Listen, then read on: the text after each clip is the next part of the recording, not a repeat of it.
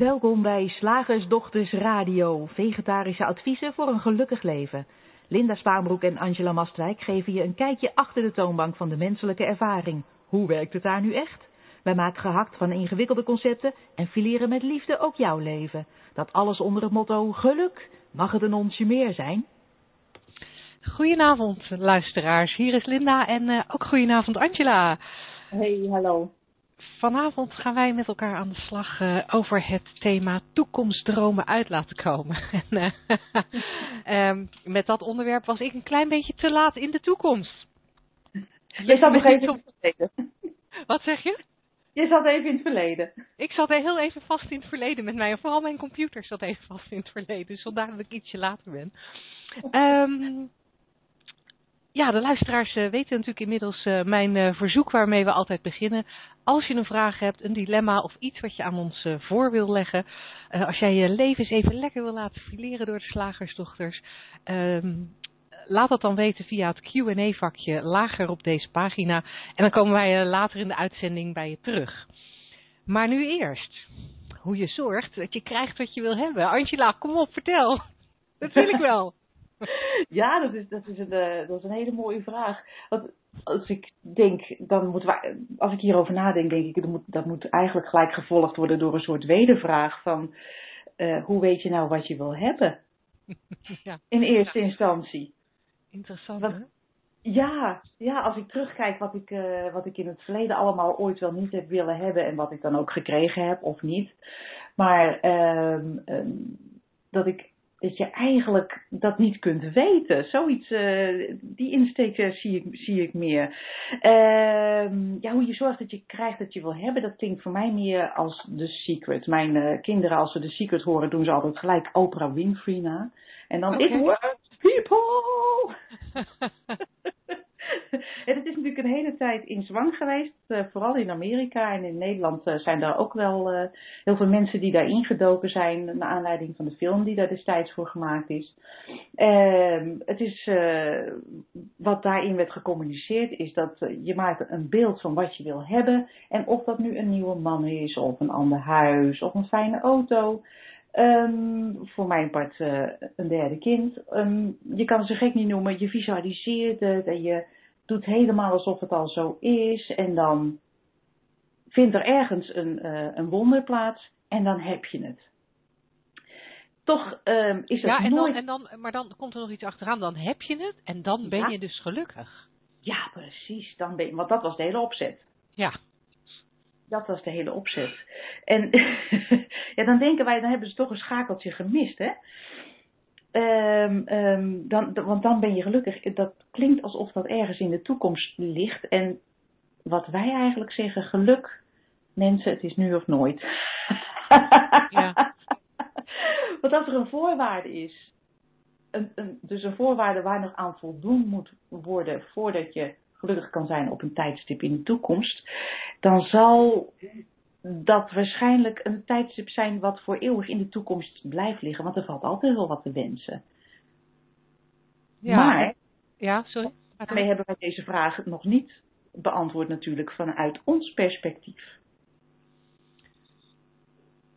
Nee, en ik weet natuurlijk niet of wat ik nu ga zeggen is wat jij zou willen zeggen op dit, uh, op dit punt. Maar wat, wat uh, natuurlijk het grote, het, het ding met toekomstdromen. Toekomstdromen, uh, ja, wat mij betreft heb je ze ook in verschillende soorten. Hè? Je hebt van die toekomstdromen um, van, goh, zou het niet leuk zijn als? Goh, zou het niet leuk zijn om eens een keertje op vakantie te gaan naar Noorwegen?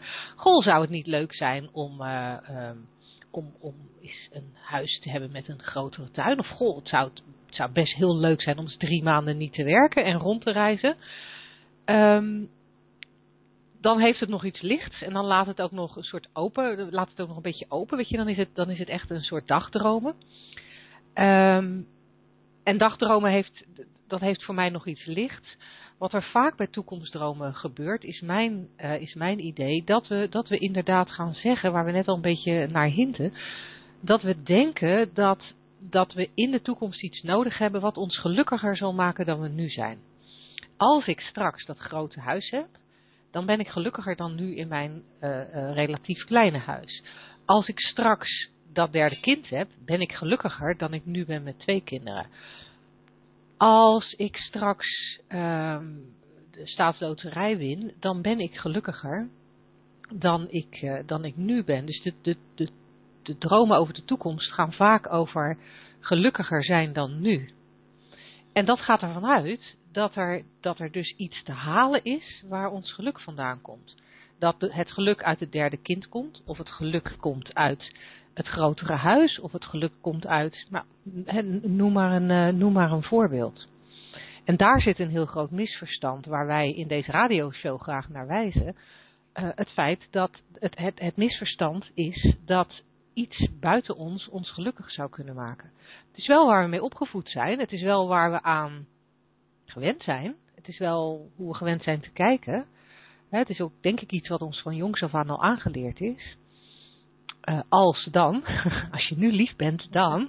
En dan komt er iets waar je dan blijkbaar uh, uh, ja, gelukkig van moet worden, of wat, wat blijkbaar een troost voor je is, of, of wat dan ook. Maar iets, iets van buiten maakt het leven beter. En daar zit een groot misverstand, omdat omdat dat niet het geval is. En, en dat gaan zien, dat, dat is wel een 180 graden shift van hoe we opgevoed zijn, is mijn ervaring. Um, als je gaat zien dat er niks buiten je is wat je gelukkig of ongelukkig kan maken, want het, het werkt andersom precies hetzelfde. He, maar we kijken nu even naar geluk. Er is niks buiten je wat je gelukkig kan maken. Um, want, want alles wat je voelt, elke emotie die je hebt, wordt gecreëerd door de combinatie van je gedachten en je bewustzijn en de universele levensenergie die er is, ja, dan, dan is het streven naar iets in de toekomst om er gelukkig van te worden, in ieder geval niet meer nodig. Kan je natuurlijk best nog naar iets streven, gewoon omdat het streven een leuk spel is, zoals het ook leuk is om een voetbalwedstrijd te winnen, maar niet omdat het je geluk of je ongeluk bepaalt. Nee, want dat is inderdaad wat die, wat die toekomstdromen dus een nachtmerrie maakt. Want het kan zomaar zijn dat die droom niet uitkomt.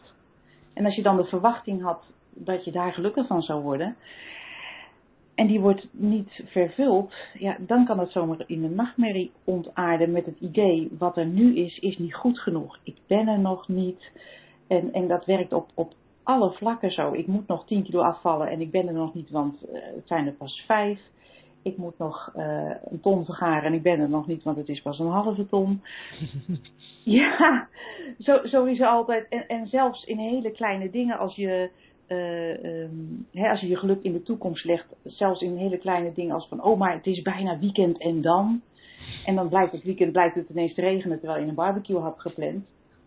Is het ook nu weer niet goed? Um, ja, dan worden dat soort, dat soort dingen, zwaar gezegd, nachtmerries. En eigenlijk zie ik daar ook een soort uh, ja, niet, verzet tegen wat er is. En het, het, het, niet genoeg vinden. Het leven zoals het nu is, dat is niet compleet. Er moet nog iets bij. Het is niet genoeg. Het is niet mooi genoeg. En, en dat is jammer. Want eigenlijk, ook al zijn, je, ik heb ook best toekomst, nou dromen zou ik ze niet willen noemen, maar soort intenties voor de toekomst. Maar als het wat anders wordt, is het ook goed. En um, eigenlijk lijkt het, een, lijkt het een soort um, verwendheid ook te zijn, zeg ik heel voorzichtig, van hmm. de westerse mens zoals wij die toch best vaak tegenkomen. Dat het leven ook zo moet lopen als dat wij eh, bedacht hadden in de toekomst. En dan het liefst een beetje snel. En dat is ja. een, soort ander aspect van die, van die toekomstdromen. Van waarom is het eigenlijk nu niet genoeg? Wat je, wat je nu hebt. En dan kan je zeggen van, oh ja, ik ben best tevreden met wat, uh, met wat ik heb. En dan is het altijd een, uh, ook als het even totaal je hele toekomst uh, op zijn kont lijkt te liggen en alles anders loopt dan dat je, dan dat je dacht. Grote tegenvallers hebt, ga je dan nog steeds denken, maar het is best genoeg zo. we, zullen, we zullen moeten willen wat we hebben, zoiets. Ja, het, is natuurlijk, het, het heeft wel iets fascinerends hoe het komt dat zoveel mensen dat, dat niet kunnen of niet doen. Uh, ik op sommige momenten ook. Hè? Het is niet alsof ik uh, nou altijd 100% tevreden in het nu ben en, uh, en met wat ik heb. Gelukkig wel heel veel vaker dan, dan vroeger. Um, maar heb jij daar een filosofie over? Hoe dat komt dat we het zo lastig vinden in het nu?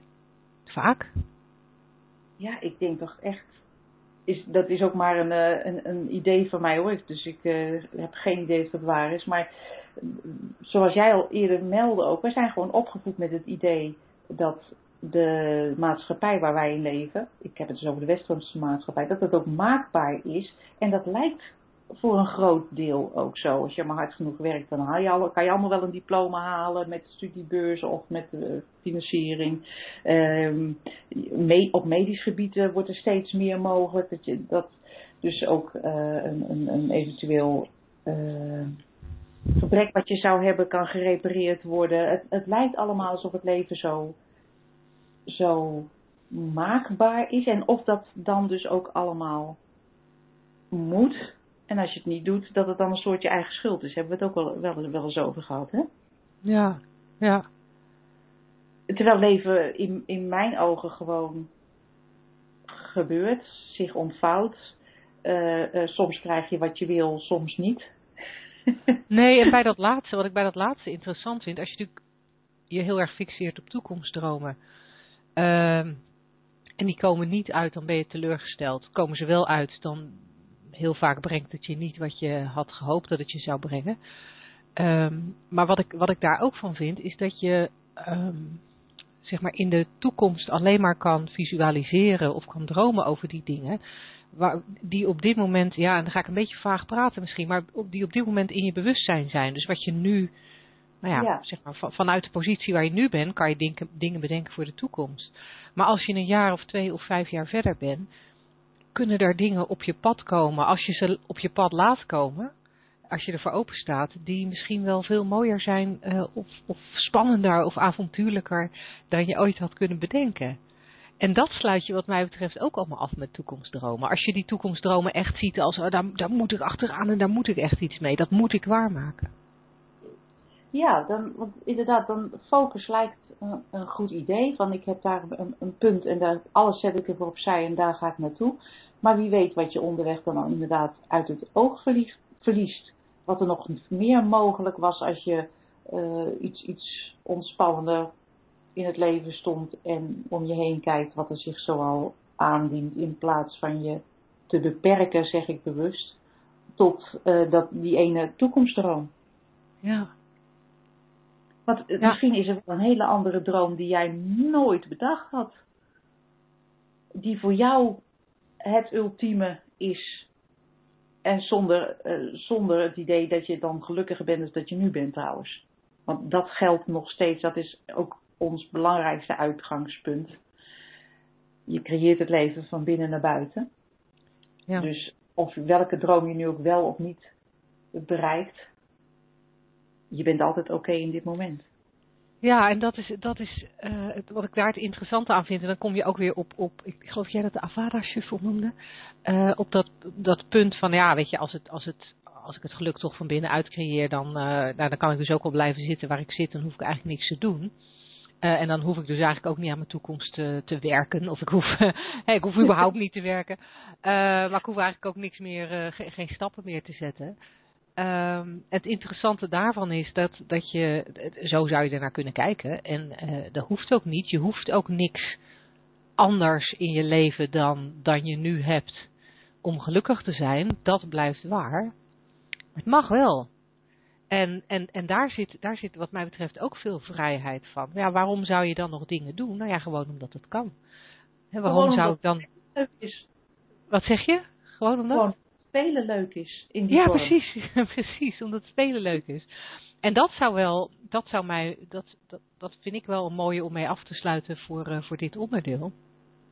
Dat toekomstdromen, um, ja, toekomstdromen kan je wat mij betreft maar beter gewoon laten zitten en lekker spelen. En als dat mijmeren over de toekomst voor jou een soort spelen voelt, niks aan de hand. Maar anders kun je er maar beter, uh, kun je er maar mee, be beter mee stoppen en lekker genieten van waar je nu bent. Vind ik een hele mooie afsluiting. Slagersdochters, wat zit er in de leverworst? Oftewel, tijd voor wat wetenschap. Ja, dan ben ik weer aan de beurt, hè? ehm, waar ik mij deze week een klein beetje in heb verdiept, is ehm, technologische singulariteit. Nou, vind je het niet een prachtige term? ja, heel prachtig. Ja, Technologische sing... singulariteit. Singularity, ja. Eh, mijn, mijn, mijn oudste zoon hield zich daar, nou, pakweg zes of acht jaar geleden al mee bezig. En zei die man, we worden, we zijn, we worden transhumanisten en, en we gaan een soort samen met, uh, met robots. En, en, en nou, het, het, leek mij allemaal geen aantrekkelijk idee. Maar deze week sprak ik hem en uh, het kwam weer ter sprake. En ik dacht, ik ga toch eens even nou kijken wat dat nou inhoudt. En ik kwam uit bij Ray Kurzweil. Dat is een uh, futuroloog. Hij heeft verschillende boeken geschreven eind uh, van de vorige eeuw. Dat lijkt heel lang geleden, maar dat valt natuurlijk wel mee. Hè?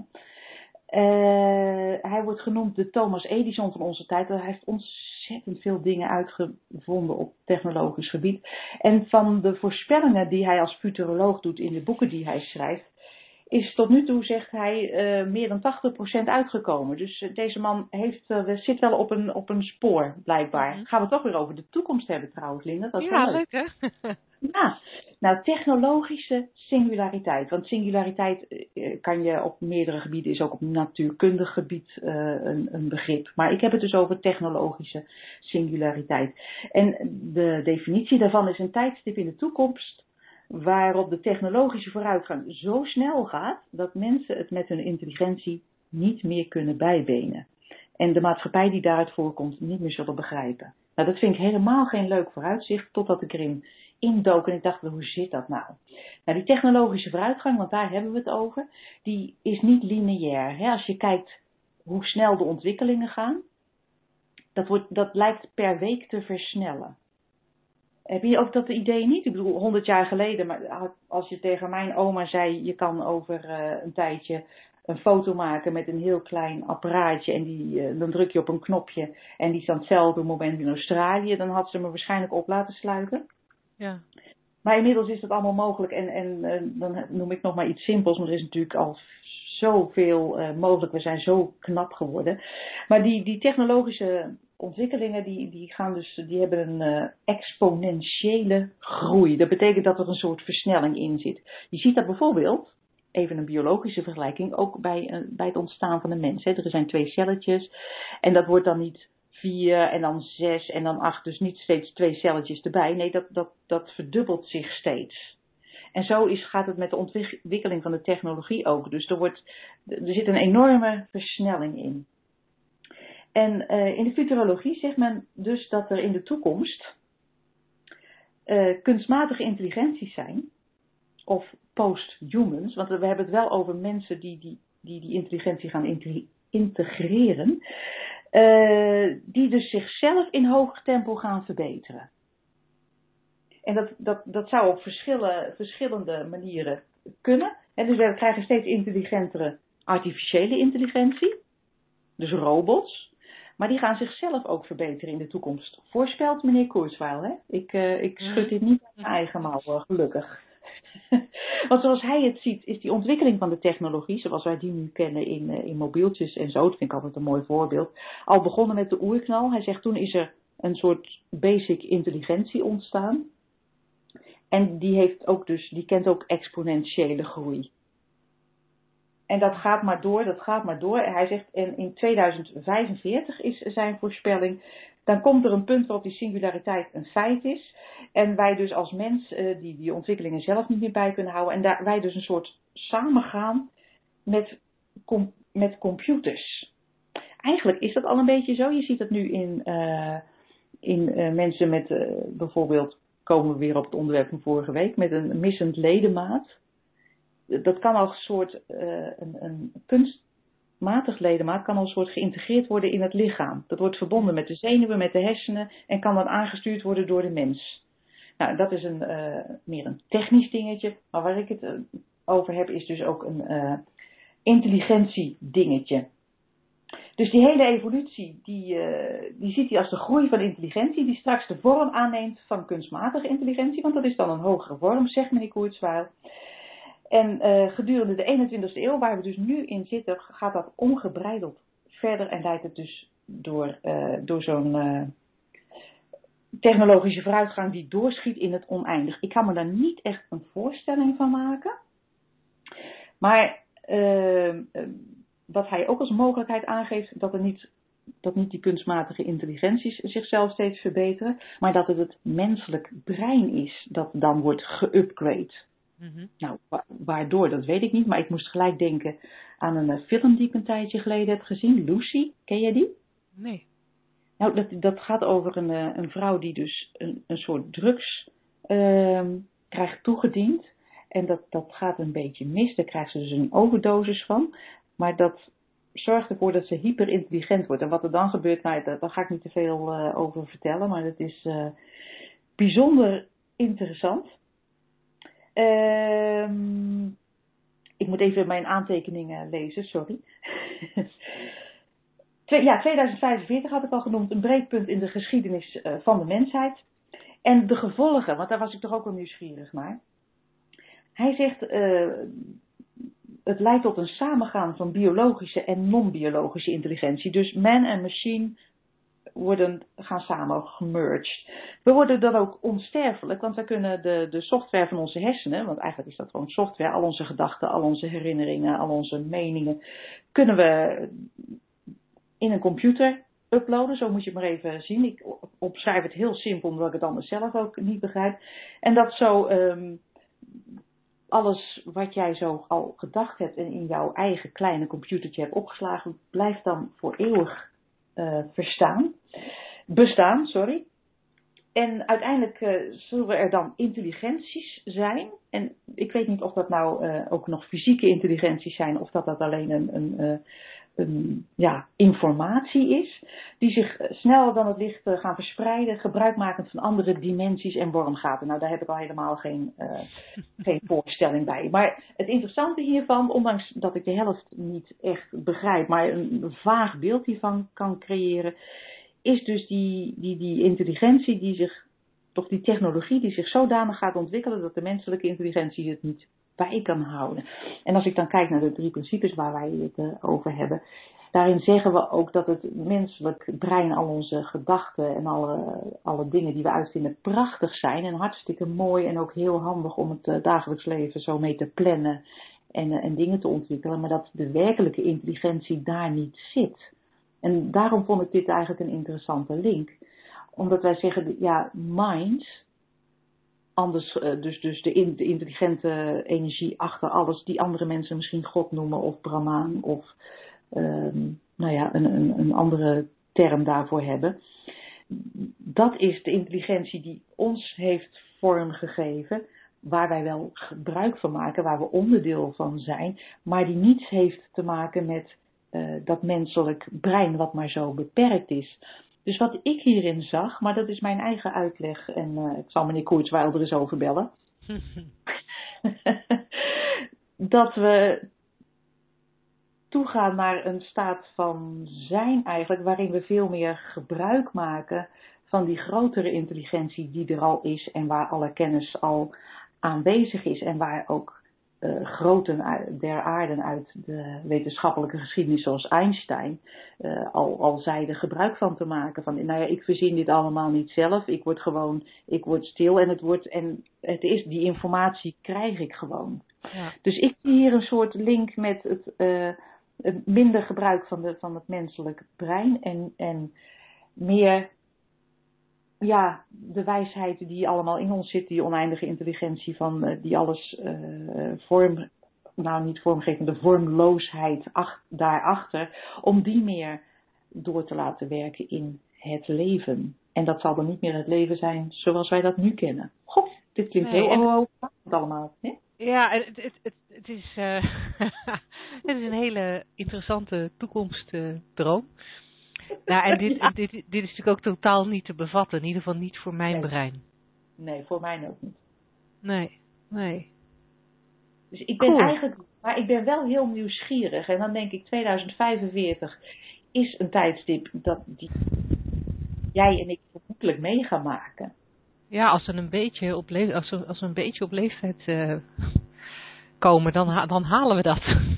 Ja, en ik, dat vind ik, ik, vind, ik ben daar wel nieuwsgierig naar. Ik vind dat best spannend. Ik ben er niet bang voor. Nee, nee, maar sowieso hebben we daar natuurlijk al van gemerkt dat, dat, dat bang zijn voor de toekomst sowieso niet zo zinvol is. Maar het is, interessant, het is interessant om erover te mijmeren of wij dat dan überhaupt nog kunnen bijhouden. Als ik zie hoeveel moeite uh, bijvoorbeeld mijn moeder nu heeft met, uh, met, met smartphones en dat soort dingen. Uh, dat, dat, dat, denk nou, als, als, het als dit wat jij zegt gaat uitkomen, dan zijn wij lekker uit onze comfortzone. Ja, nou wie weet wat daar het mooiste uit voortkomt. Ja, precies. zeg, slagersdochters, hoe bak ik die vegaburger? Over naar de luisteraarsvraag. Uh, had jij er eentje binnengekregen via mail, uh, Angela?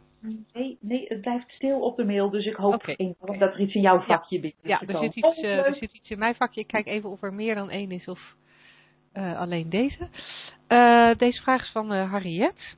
En ja. zij zegt: Ik heb toch wel wat moeite met wat jullie zeggen over tevreden zijn in en met het nu. Er ja. zijn toch echt omstandigheden waarin het onmogelijk is gelukkig te zijn in het nu.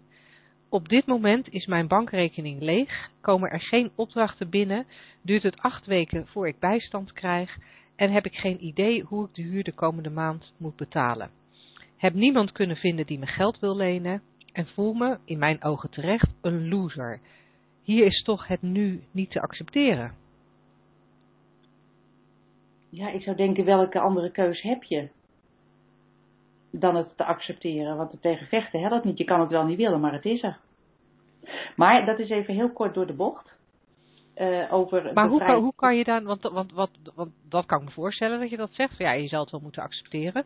Wat ik ook een beetje onder deze vraag proef, is van uh, hè, van, van, ja, het niet te, niet te accepteren, maar ik, ik, in mijn hoofd vertaalt dat zich als, ja, dan, dan kan je je toch niet goed voelen of dan kan je toch niet gelukkig zijn. Ja, dan, dan gaan we er dus eh, vanuit dat het een alles met het ander te maken heeft. Ja, en dat is natuurlijk wel wat veel mensen. Ja. ja. Uh, het gevoel en, en dat is ook ja, en dat is ook die, eh, die eh, paradigmaverschuiving, die, eh, die 180 graden shift waar jij het over had. Om dat uh, te gaan zien. En ik, ik zeg niet tegen Harriet van joh, uh, uh, het is onzin dat je het zo ziet of je moet het anders gaan zien.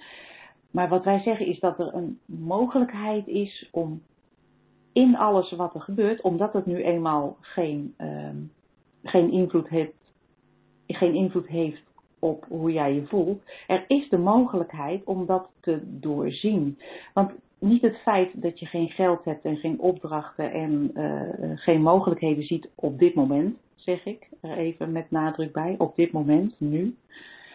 Uh, dat, dat heeft geen invloed op hoe jij je voelt. Wat wel invloed heeft op hoe jij je voelt, is dat je denkt dat het anders moet. Dus je accepteert het niet.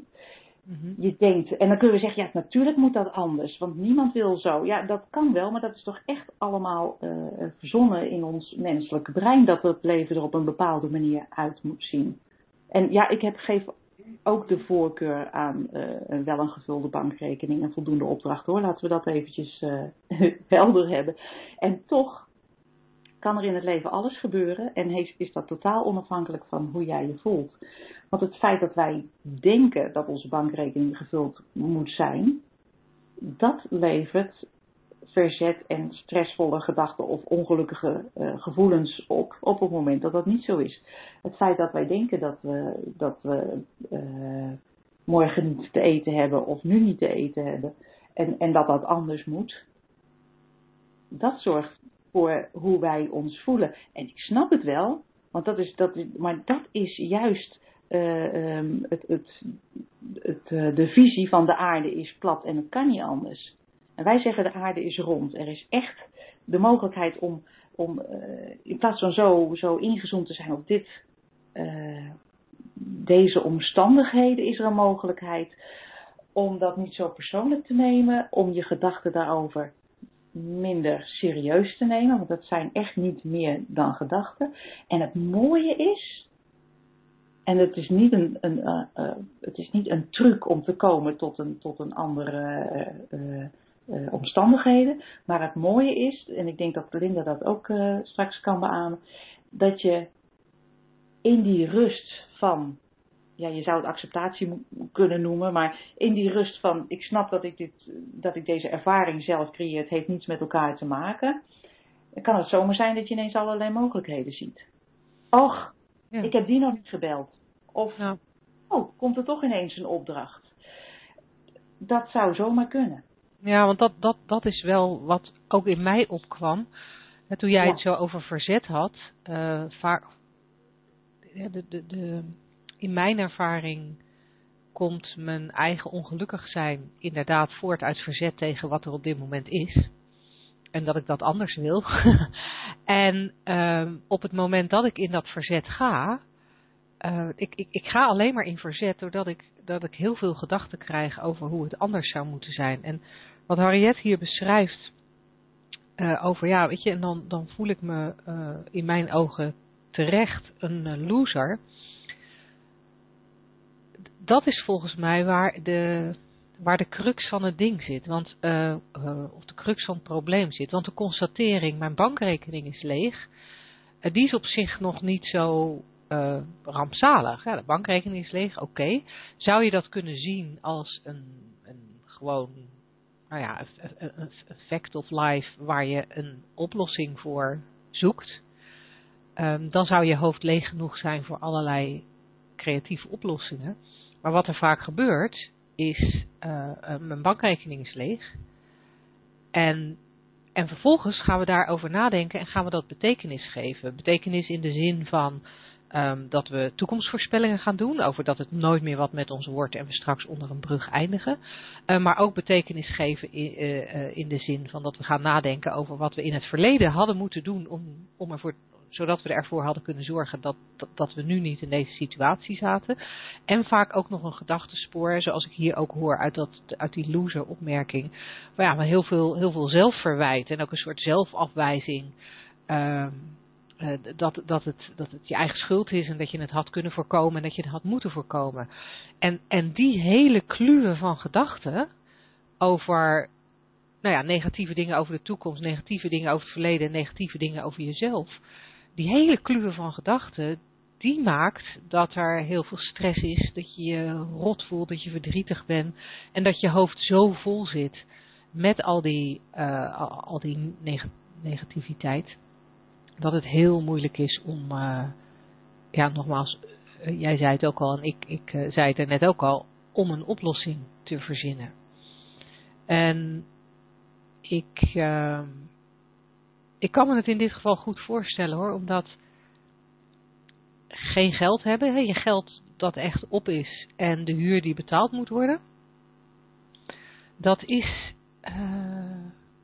ja, in onze in onze cultuur of in, in, in de manier waarop we opgevoed zijn of in onze collectieve gedachtenpatronen uh, wordt ook in zijn algemeenheid aangenomen en beaamd dat dat inderdaad een drama is. Als je het, als je het even weg zou halen bij dat geld en je zou het naar iets anders uh, toebrengen. Je zou het bijvoorbeeld uh, toebrengen naar ik, mijn huis is te klein uh, ik, ik, en ik ben niet uh, gelukkig in mijn huis. Het is weliswaar 125 vierkante meter, maar ik vind het toch te klein. Uh, en ik vind mijn tuin ook te klein en er is te veel inkijk van de buren in mijn tuin. dus daar ben ik ongelukkig over. en dat wil ik niet. En dat is een ramp. En als ik hier niet heel snel weg ben, dan word ik nog ongelukkiger dan ik al ben ook daar, ook, ook over zo van, ja, ik woon te klein, kan iemand eenzelfde soort gedachtenstorm creëren als, uh, uh, als een ander kan creëren over ik heb geen geld meer. Want ook over dat kleine huis kan je gaan nadenken, ja, als ik hier de rest van mijn leven nog woon, dan blijf ik altijd ongelukkig. En dan zal ik nooit in staat zijn om een moestuin in mijn achtertuin te beginnen. En dat is echt heel vreselijk, want dat, uh, ik hou zo van moestuinieren. en als ik nou in het verleden die hele goede baan maar niet had opgezegd om voor mezelf te beginnen, dan had ik nu meer geld gehad om een groot huis te kopen. Da, da, da, da, da, da, da, da. Daar kan je eenzelfde soort gedachtenstorm van maken.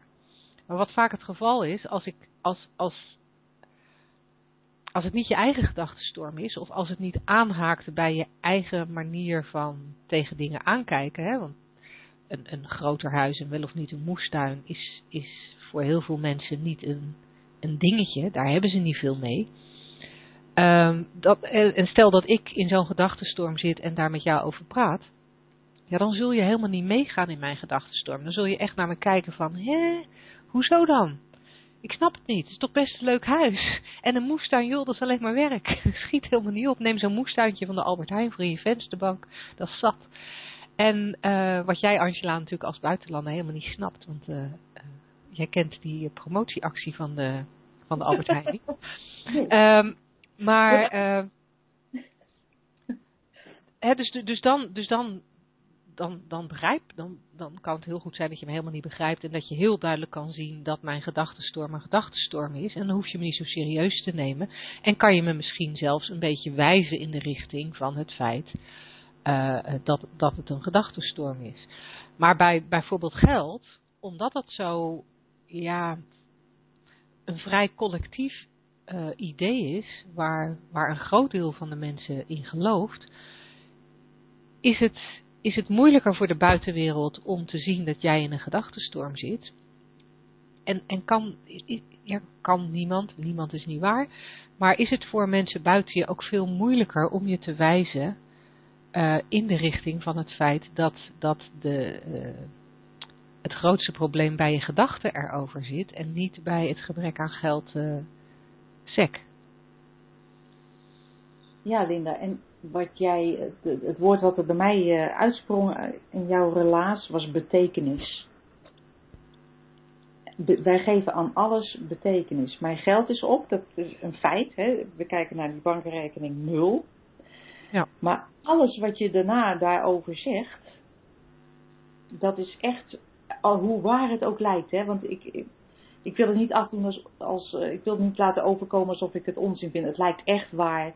En, en zeker dit onderwerp uh, in de westerse wereld hartstikke belangrijk. Geld moet je hebben, want ja, je moet toch eten en anders overleef je niet. Het is een hele basale Ja. angst.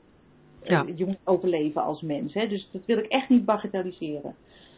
Maar wat we, wat we zeggen is, oké, okay, dat saldo is nul. Maar alles wat je daarover denkt, is niet waar. Ook niet dat je morgen niet, of vandaag zelfs niet te eten hebt. Dat, dat, is, dat is wat het hoofd verzint. En die geeft daar betekenis aan. Dus erg, het mag niet, ik ben een loser, um, uh, het moet anders, ik had, ik zou, ik wil, ik moet. Uh, nou, Henriette weet zelf ongetwijfeld nog duizend dingen in te vullen uh, die haar hoofd heeft bedacht. Maar zo'n nul saldo op je bankrekening is niet meer dan dat. En als je, de, mo de mogelijkheid is er om dat te zien. En Ja, misschien en- stel je dan op en uh, werk je morgen even bij de Albert Heijn vakken vullen en blijkbaar uh, uh, moestuintjes leveren. ja. Ik, ik, ja, Ik leg het je straks na de uitzending uit van die moestuintjes. dan kan, je zomaar, kan het zomaar zijn dat je opstaat, want de menselijke intelligentie, jouw innerlijke wijsheid zit altijd in je, is, is altijd bij je. En het- je staat er altijd mee in verbinding. En de enige storing die je op de lijn kan hebben, zijn ideeën als dit mag niet, dit kan niet, ik ben een loser. Dat is de enige storing die er op de lijn kan zitten. De betekenis die je eraan geeft, de verhalen, de gedachtentreinen waarin dat altijd over heeft, waar je opstapt. Dat is de enige ruis die jij kan hebben op dat lijntje met je innerlijke wijsheid. Want die verbinding gaat nooit verloren. En als er is de mogelijkheid om die ruis te doorzien, om het niet te geloven, om het niet serieus, niet persoonlijk te nemen. En dan eens kijken wat er gebeurt. En dat kan ik natuurlijk niet voorspellen. Want wij kunnen nou helemaal niet in de toekomst kijken, ook al hebben we er dromen over. Maar het kan zomaar zijn dat je opstaat en ineens een klant hebt of tien. Het kan zomaar zijn dat je, dat je even tijdelijk ergens gaat werken. Het kan zomaar zijn dat je uh, iemand belt die je nog niet gebeld had. Of, of dat je um, in de staatsloterij van Koningsdag uh, een ton wint. Ik noem maar wat. En ik voorspel, doe geen toekomstvoorspellingen. Maar alles kan. Ja. ja, en wat ik daar graag nog aan toe wilde voegen, dat inderdaad alles kan. Maar daarnaast is het zo dat um, wat ik zelf ervaar, en ik weet niet of dat, of Harriet daar iets in herkent.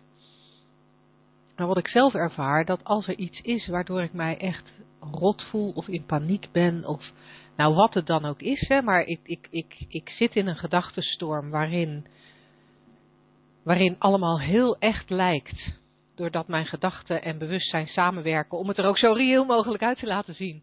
En waar, waar, waarin een bepaalde situatie er heel echt uitziet, die ik, heel, die ik label als heel erg negatief. En ik voel me rot en ik huil en ik slaap slecht en nou ja, wat, wat er dan maar kan, uh, kan plaatsvinden over dat onderwerp waar je op dat moment uh, heel veel gedachten over hebt.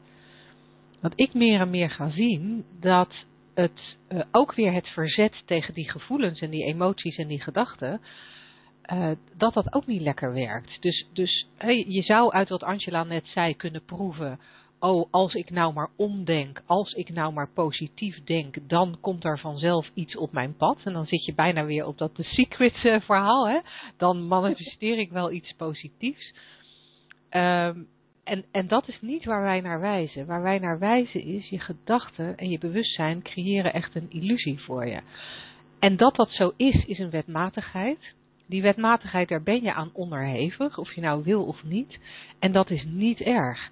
En daarbinnen is het ook echt niet erg om je een tijdje rot te voelen. Dat is wel iets waar we ons ook vaak tegen verzetten.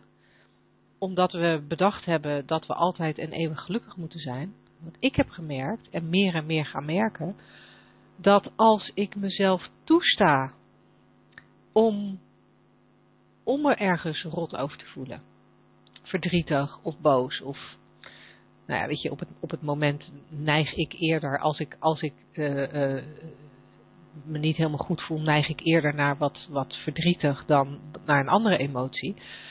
Um, maar om dat dan maar zo te laten zijn. En ik merk meer en meer dat naar, naarmate ik in zo'n gedachtenstorm en in zo'n, oh, het leven is verschrikkelijk. Omdat ik, omdat ik steeds meer kan zien dat het, het voelt wel zo, maar het is niet zo. Dus ja, oké, het lijkt wel een hele echte film, maar ik zit echt in de bioscoop en die film die, die eindigt op enig moment. Dus nou ja, laat maar even. En dan ook gewoon huilen als ik moet huilen en stoppen met huilen als ik uh, stop met huilen. Dat, dat zo'n gedachtenstorm veel sneller voorbij is. En dat um, waar ik vroeger misschien wel weken in somberheid kon zijn, uh, nu somberheid af en toe even de kop opsteekt en dan weer weg is. En zich veel sneller afwisselt met momenten waarin het leven verrukkelijk is en niet beter kan. Um, en waarin ik wel al die briljante ideeën heb uh, om dingen te doen waar ik blij van ja, die, die me blij maken en die ik leuk vind om te doen. Ja, en Am I making ook... any sense?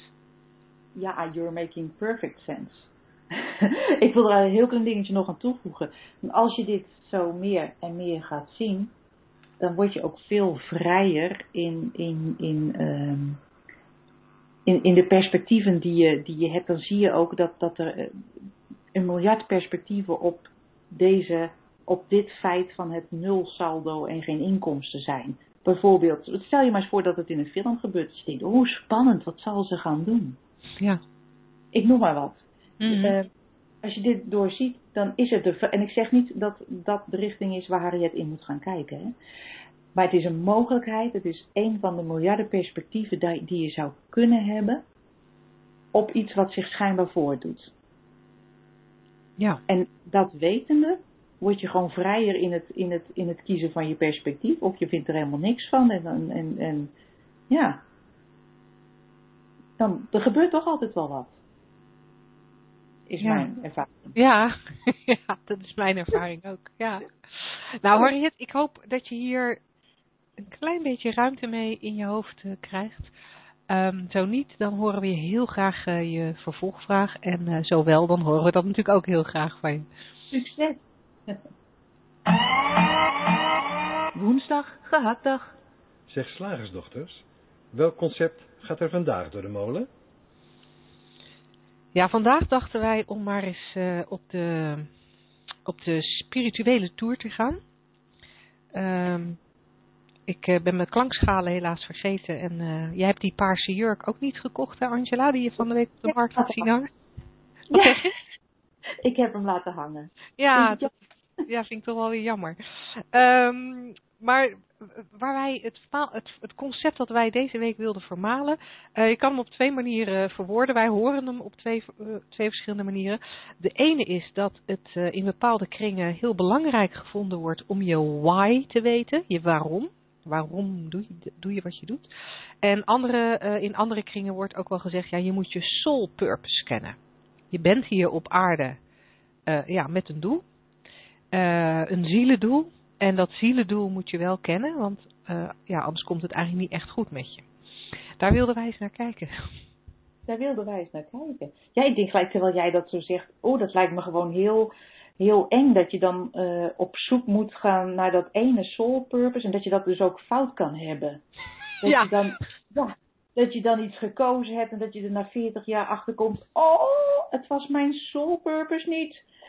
En, en dat dan gewoon, ja, je hele leven een beetje eigenlijk nutteloos is geweest, omdat je dat doel niet hebt vervuld. Ja, Ja. dat is het wat ik erbij krijg. Dat is een beetje flauw natuurlijk. Maar eh, je why zei jij ook. En ik heb ooit in een, eh, in een training gezeten. Dat was een soort, soort mediatraining. Waarin het heel erg belangrijk, belangrijk werd gevonden om je waarom te vinden. En daar werd ook eindeloos op doorgegaan. Er was een, eh, een meneer bij en die op elk antwoord wat je gaf zei hij waarom, waarom, waarom. En ik keek eh, eens even, ik nam even een, eh, een stapje eh, daaruit, geestelijk dan, fysiek bleef ik zitten. En ik zag om mij heen mensen in, in enorm dramatische verhalen in het verleden terechtkomen, die dan de reden moesten zijn waarom zij nu eh, wilde doen wat zij nu wilde doen. De een kwam bij, uit bij een, een, een moeder die zich altijd onmachtig had gevoeld in het. ehm, in het, het, eh, het verdienen van haar eigen geld en andere, nou, de meest dramatische verhalen. En ik dacht, ik zat daar, ik dacht, je kan dit ook gewoon allemaal verzinnen een hele andere kant op. Ik kon voor mezelf, ik kon wel duizend whys verzinnen namelijk. Ja. En allemaal waren ze even geloofwaardig. Want ja, je bent als Ja. mens na, na of veertig heb je wel eens wat geleefd en wel eens wat meegemaakt. En eh, antwoord op zo'n vraag, waarom? Ja, ik denk, Ja. volgens mij ben je er vrij in. Wat denk jij? Nou ja, kijk, ik denk, ik denk dan dus dat een soul purpose eigenlijk dan beter is dan je why vinden. Want van een soul purpose kun je er maar één hebben. Oh ja. Eh, ja, persoonlijk, persoonlijk vind ik dat dan, of het nou een why is of een soul purpose. ehm, een soul purpose, het, het, het, het, het klinkt wel mooi. Het is ook weer dat betekenis geven waar we het daar straks eh, over hadden. Het is een betekenis zoeken eh, achter waarom je dingen doet die je doet. En eh, het is ook, ehm, vind ik, betekenis zoeken voor je leven. Want als ik nou mijn soul purpose leef. hè, wat natuurlijk een beetje eng is, want wat je net al zei, het is blijkbaar maar één ding. En, en dat moet je dan zien te vinden. Ik, vind dat, ik, ik heb een tijdje in cirkels gezeten, of in kringen verkeerd, waar, waar dat eh, eh, gebruikelijk was. Dus ik heb ook wel eens eh, eh, gezocht naar mijn soul purpose. Maar ik vond het heel ingewikkeld. Ook omdat ik me daarmee vastlegde op één ding. En ik heb in mijn leven gemerkt dat ik nogal veranderlijk ben. Oh. Ehm, en overigens net vanavond geleerd dat ik dat met mijn sterrenbeeld eigenlijk niet zou moeten zijn. Ik zou eigenlijk heel erg hardnekkig moeten vasthouden aan, aan mijn eigen gewoontes. Dus eh, daar gaat ook al iets fout. Sterrenbeeld is misschien ook nog een concept dat we kunnen vermalen. Astrologisch spring jij helemaal uit de... Ja, dat gaat echt niet goed met mij astrologisch. Maar die. ehm, het, het, soul het- purpose. ja. die soul purpose, het, het, het voelt voor mij, eh, en daar zeg ik in andere woorden wat jij net ook al zei, het voelt voor mij als een betekenis zoeken die er niet is. En een houvast zoeken die er niet is. En want als ik nou mijn why weet, of mijn why weet, of ik weet mijn soul purpose, dan heb ik een soort, heb ik een soort houvast van wat ik, wat wel bij mij past en wat niet bij mij past. En ik vind dat een beetje jammer. Want ik denk, hey, het is hartstikke leuk om gewoon van alles uit te proberen waar je zin in hebt. En eh, misschien vind je dingen wel heel erg leuk waarvan je in eerste instantie niet had verwacht dat ze bij je zouden passen. Eh, misschien kom je dingen die je, tegen die je niet zo leuk vindt, maar dat is ook niet zo erg. Eh, heb je het wel weer ervaren. Dus het, het, ik vind het heel erg ja, nogmaals zoeken naar houvast, uh, betekenis verlenen waar eigenlijk geen betekenis is. Uh, zeker als die why gebaseerd moet zijn op het, op het verleden, dan, dan heb ik helemaal zoiets van jeetje dan, dan, dan, dan sleep je, dan sleep je gedachten van vroeger, sleep je mee naar het nu. Want ja. Ik, blijkbaar heb je gedachten over die moeder die haar eigen uh, geld niet uh, kon verdienen of zoiets dergelijks. En die daar blijkbaar moeite mee, mee, had. Weet je wat dan het interessante is bij dit voorbeeld? Die Nou. moeder had blijkbaar gedachten over haar, haar Ja. capaciteit om geld te verdienen.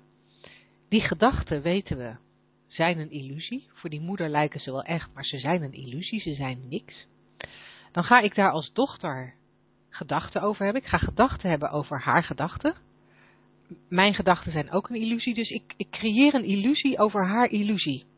En daar verbind ik dan een why aan, wat ook weer een gedachte is en dus ook een illusie. Dus ik heb een soort triple illusie. en, daar zoek ik, en daar zoek ik dan houvast in. Ja. Ja, dat is gewoon een soort, uh, als je het zo stelt, bijna eng. Hè? Ja, nou ja, ik, ik, merk dat ik ook een beetje opgewonden over raak. ik denk, ja, waar zijn we dan mee bezig? is de menselijke soul purpose wel gewoon om in, in, elk, moment, uh, in elk moment gewoon te doen um, uh, waar je op dat moment toe geïnspireerd bent. En is dat het volgende moment iets anders, dan is het iets anders. Maar wat jij al zegt, dat geeft geen houvast. Dat is niet eenduidig, dat uh, um, klinkt allemaal uh, veel te onzeker. En dat vinden we blijkbaar toch niet zo uh, niet zo'n heel prettige manier van leven. Terwijl we daar misschien ook anders naar kunnen kijken. Ja, want, want dat, ja. dat is wat mij betreft de interessante conclusie. Ik vind hem interessant, conclusie van, van zeg maar het denkspoor waar, we, waar wij nu op gegaan zijn. Dat we heel erg zoeken naar houvast. En ik denk dat dat te maken heeft met het feit dat, um, dat we te weinig vertrouwen, of helemaal niet vertrouwen, op het feit dat we gewoon oké zijn. Dat, dat die kern in ons altijd, altijd oké is, ongeacht de omstandigheden. En dat je altijd gelukkig kunt zijn of altijd welzijn kunt ervaren. Want gelukkig zijn is misschien ook een beetje een woord wat, wat, wat een, een, een beetje met, met, met, met hilarische uh, slingers en ballonnen omgeven is. Terwijl uh, daar ook zoiets is als gewoon tevredenheid. Uh, de Engelsen noemen dat zo mooi contentment. Dat vind ik een, dat vind ik een heel lekker ja. woord. Uh, dat voelt voor mij echt ontspannen en comfortabel en oké. Okay. Um, en, en, en, en er is ook nog zoiets als, als ja, een basis van liefde voor jezelf, maar voor alles om je heen. En, en die, is er, die is er altijd. De enige reden waarom we hem soms niet zien of voelen of ervaren, is omdat we zo in ons hoofd zitten met al die gedachten. Maar die, die oké basis is er altijd. En als je dat kan voelen, en als je dat meer en meer kan ervaren, ja, weet je, dan maakt het niet uit waar je mee bezig bent. En, en dan kan je echt gaan leven van, hé, hey, wat inspireert mij op dit moment? Of wat, ja, waar heb ik nu zin in? Of welke woorden je er dan ook aan geeft. Ja, wat, wat, uh, wat uh, legt het leven voor mijn voeten? Is het ook soms, lijkt het.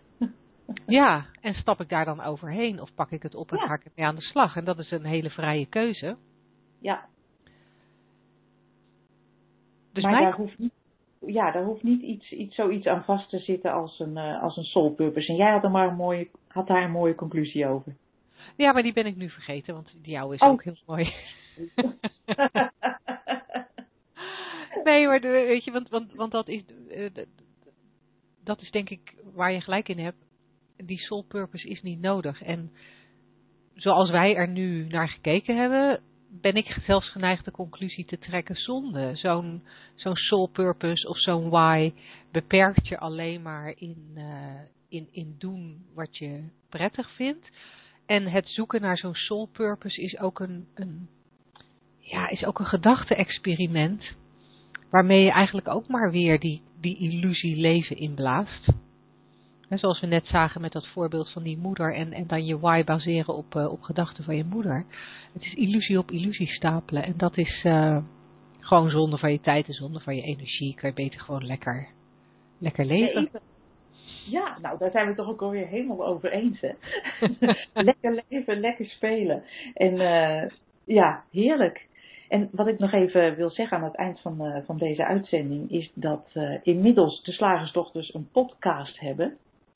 Laat ik eens de, het commerciële gedeelte doen, Linda. Dan de, ja, heel goed. Uit de comfortzone. Misschien is het op een soul purpose wel, je weet het niet.